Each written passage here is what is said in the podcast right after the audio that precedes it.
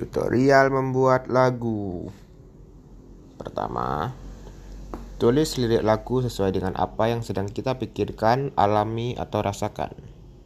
Kedua, tulis dengan kalimat yang indah dan beri rima, seperti membuat puisi. Ketiga, tentukan genre musik dan pembawaan lagu, riang atau sedih. Keempat, buat nada sekreatif mungkin. Dan yang terakhir, bisa kita tambahkan instrumen musik untuk memperindah.